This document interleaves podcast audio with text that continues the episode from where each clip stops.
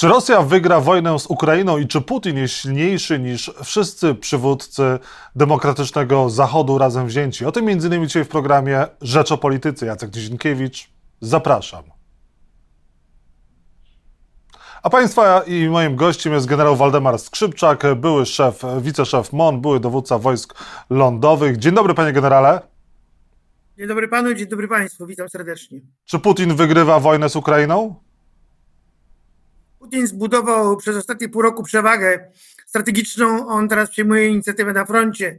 Świadczy to o tym, że on jest w stanie swoje cele, które sobie zakłada teraz, w tej ofensywie zimowej, być może i wiosennej, będzie mógł osiągać. Tym bardziej, że widać wyraźnie, że koalicja wspierająca e, Ukrainę się mocno kruszy, e, czego przykładem jest Holandia, Słowacja, Węgry, no i teraz to, co stało się w kongresie amerykańskim, że Amerykanie nie chcą już tak bardzo wspierać Ukrainy, jak czynili to do tej pory, a zatem to są złe wieści dla Ukrainy, dobre dla Putina. Złe wieści dla Ukrainy, czyli bliżej jest zwycięstwa Rosji? Czy ta wojna będzie trwała, trwała na wykrwawienie, na wyniszczenie, na przeczekanie? Zdecydowanie będzie to krwawa wojna, która wyczerpie obie strony bardzo mocno, ale głównie ona poturbuje Ukrainę. Ukraina już nie będzie taką Ukrainą, jaką była przed wojną, to po pierwsze. Po drugie, Ukraina nie ma potencjału do tego, żeby tę wojnę prowadzić z dużą intensywnością. Wynika to z tego między innymi, że ta pomoc będzie coraz bardziej ograniczana z Zachodu. Wsparcie polityczne, jak widać, jest bardzo miałkie, jest niezdecydowane. I po trzecie, to Ukraińcy już nie mają potencjału ludzkiego, żeby móc tą wojnę wielkoskalową z taką intensywnością, jak do tej pory prowadzić. A zatem Ukraińcy są przed wielkimi wyborami, tym bardziej, że na scenie polityczno-wojskowej w Kijowie są jest duże zamieszanie, które powoduje, e, te, te też ma swoje konsekwencje. Na pewno powoduje to wielki entuzjazm w Moskwie, natomiast na pewno niezadowolenie wśród Ukraińców, a głównie wśród armii ukraińskiej, która walczy świetnie na froncie, bo to są dobrzy żołnierze. Ale widać wyraźnie, że cele, które założył sobie Żołęński, on ich, jeżeli ich nie zredefiniuje, to na pewno ich nie osiągnie.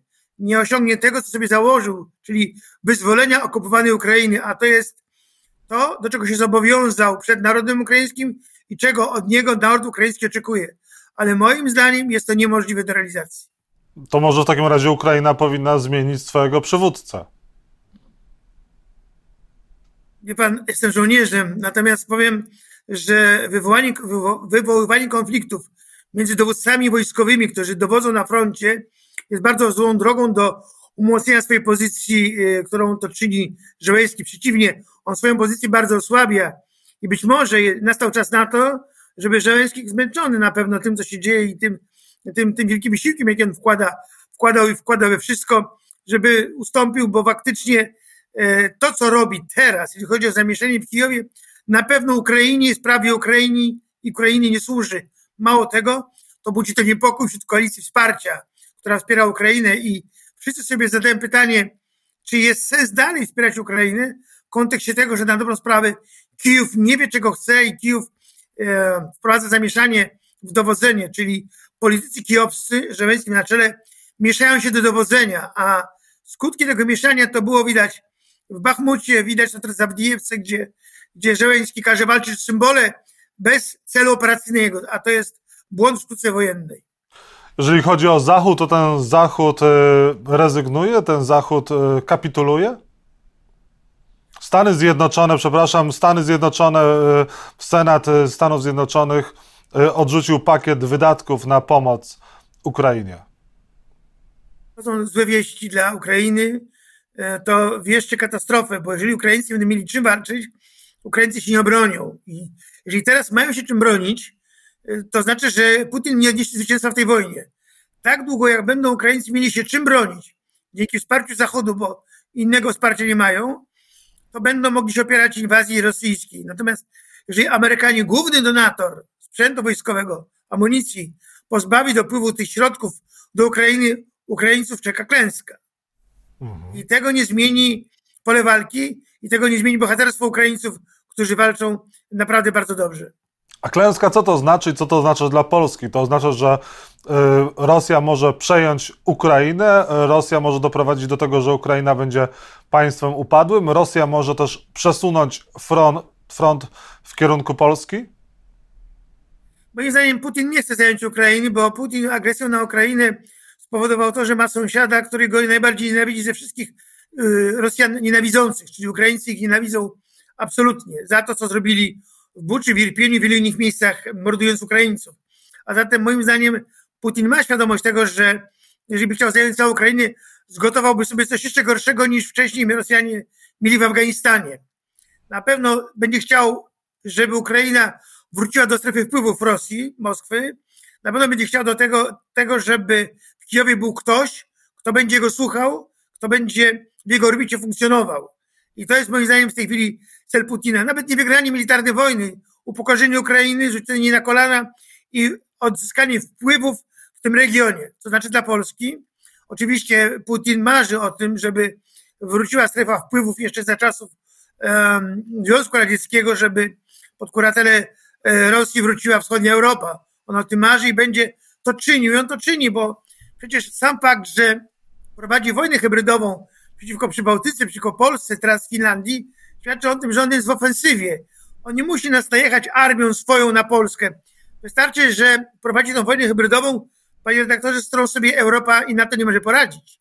Zobaczcie, jak, jacy jesteśmy bezsilni, a on tą wojnę już prawie trzy lata prowadzi i my nie potrafimy sobie poradzić z tym, co się dzieje za naszą wschodnią granicą.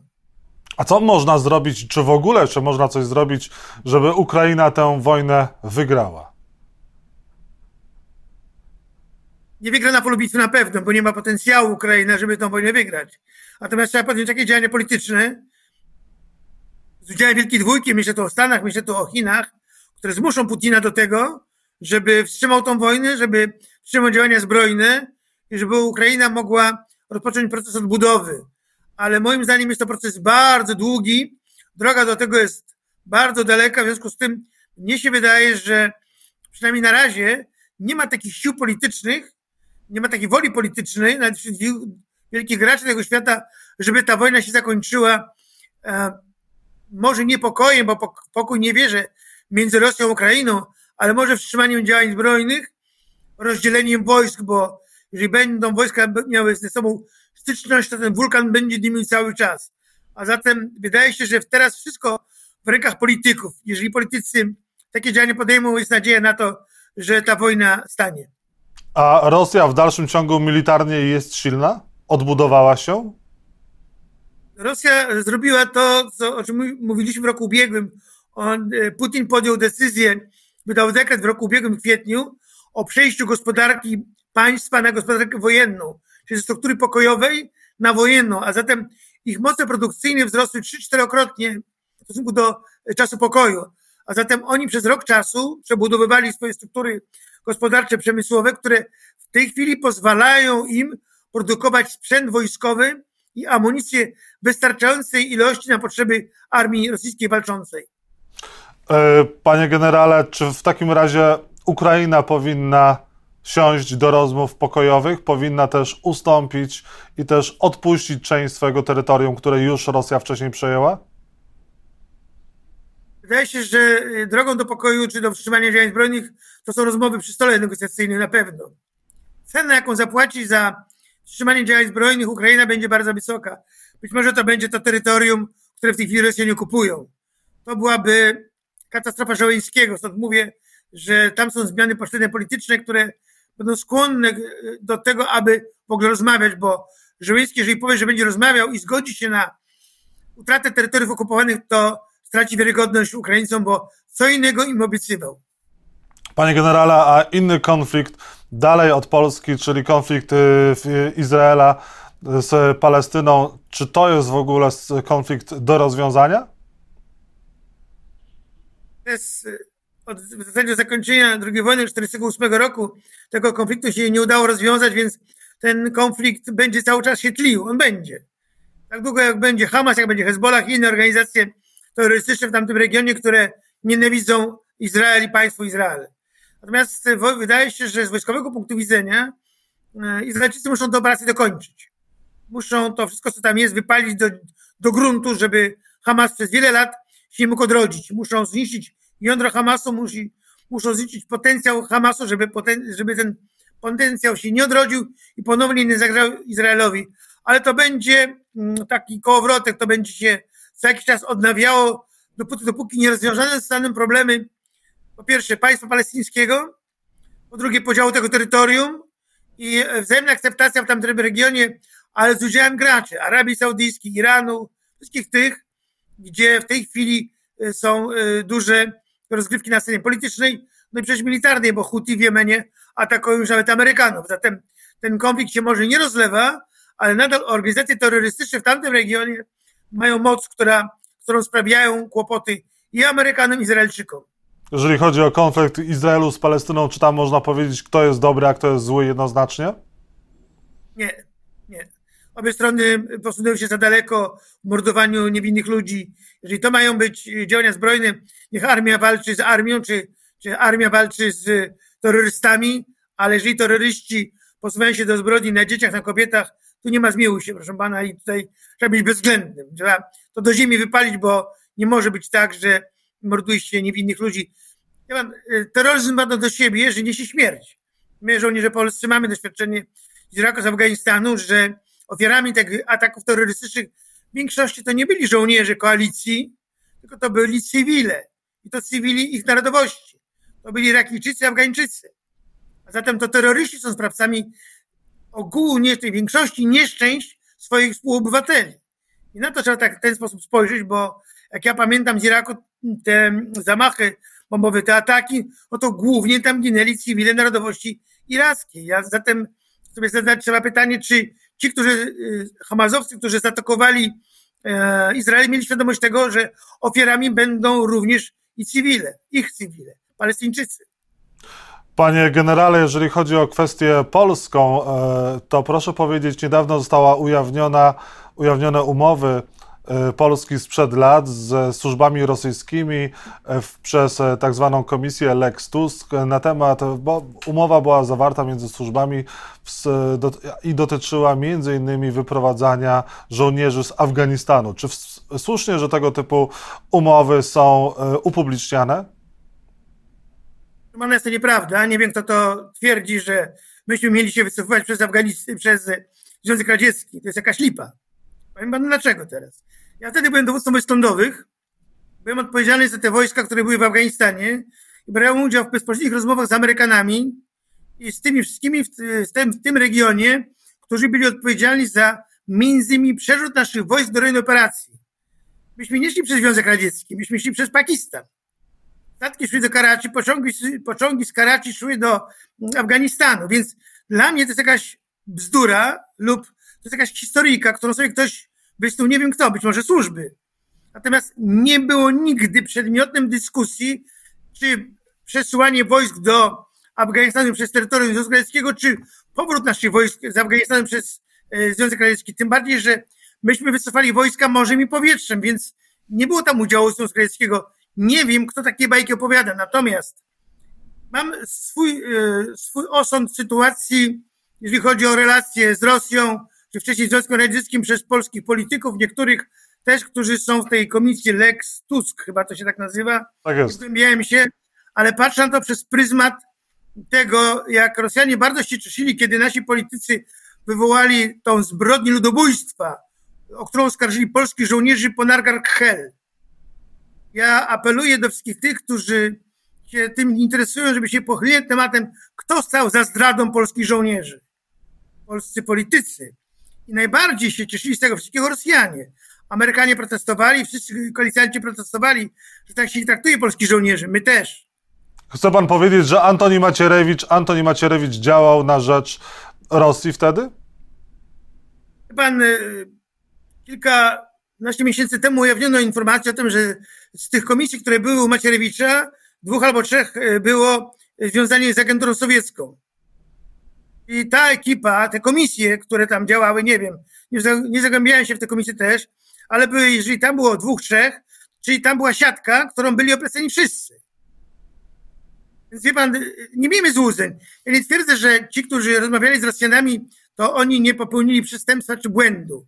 Mówię tu o tych, którzy byli ze SKW. Ale warto by wyjaśnić, jakie były ich relacje, jakie były relacje tych, którzy dokonali zbrodni na honorze polskiej armii i na polskim żołnierzu. Bo tych za tą zbrodnię trzeba rozliczyć, a tam była siatka rosyjska mocno opleciona. To ABW udowodniło kilkanaście miesięcy temu, aresztując chyba dwóch spośród tych członków komisji Macierewicza. To trzeba też wyjaśnić.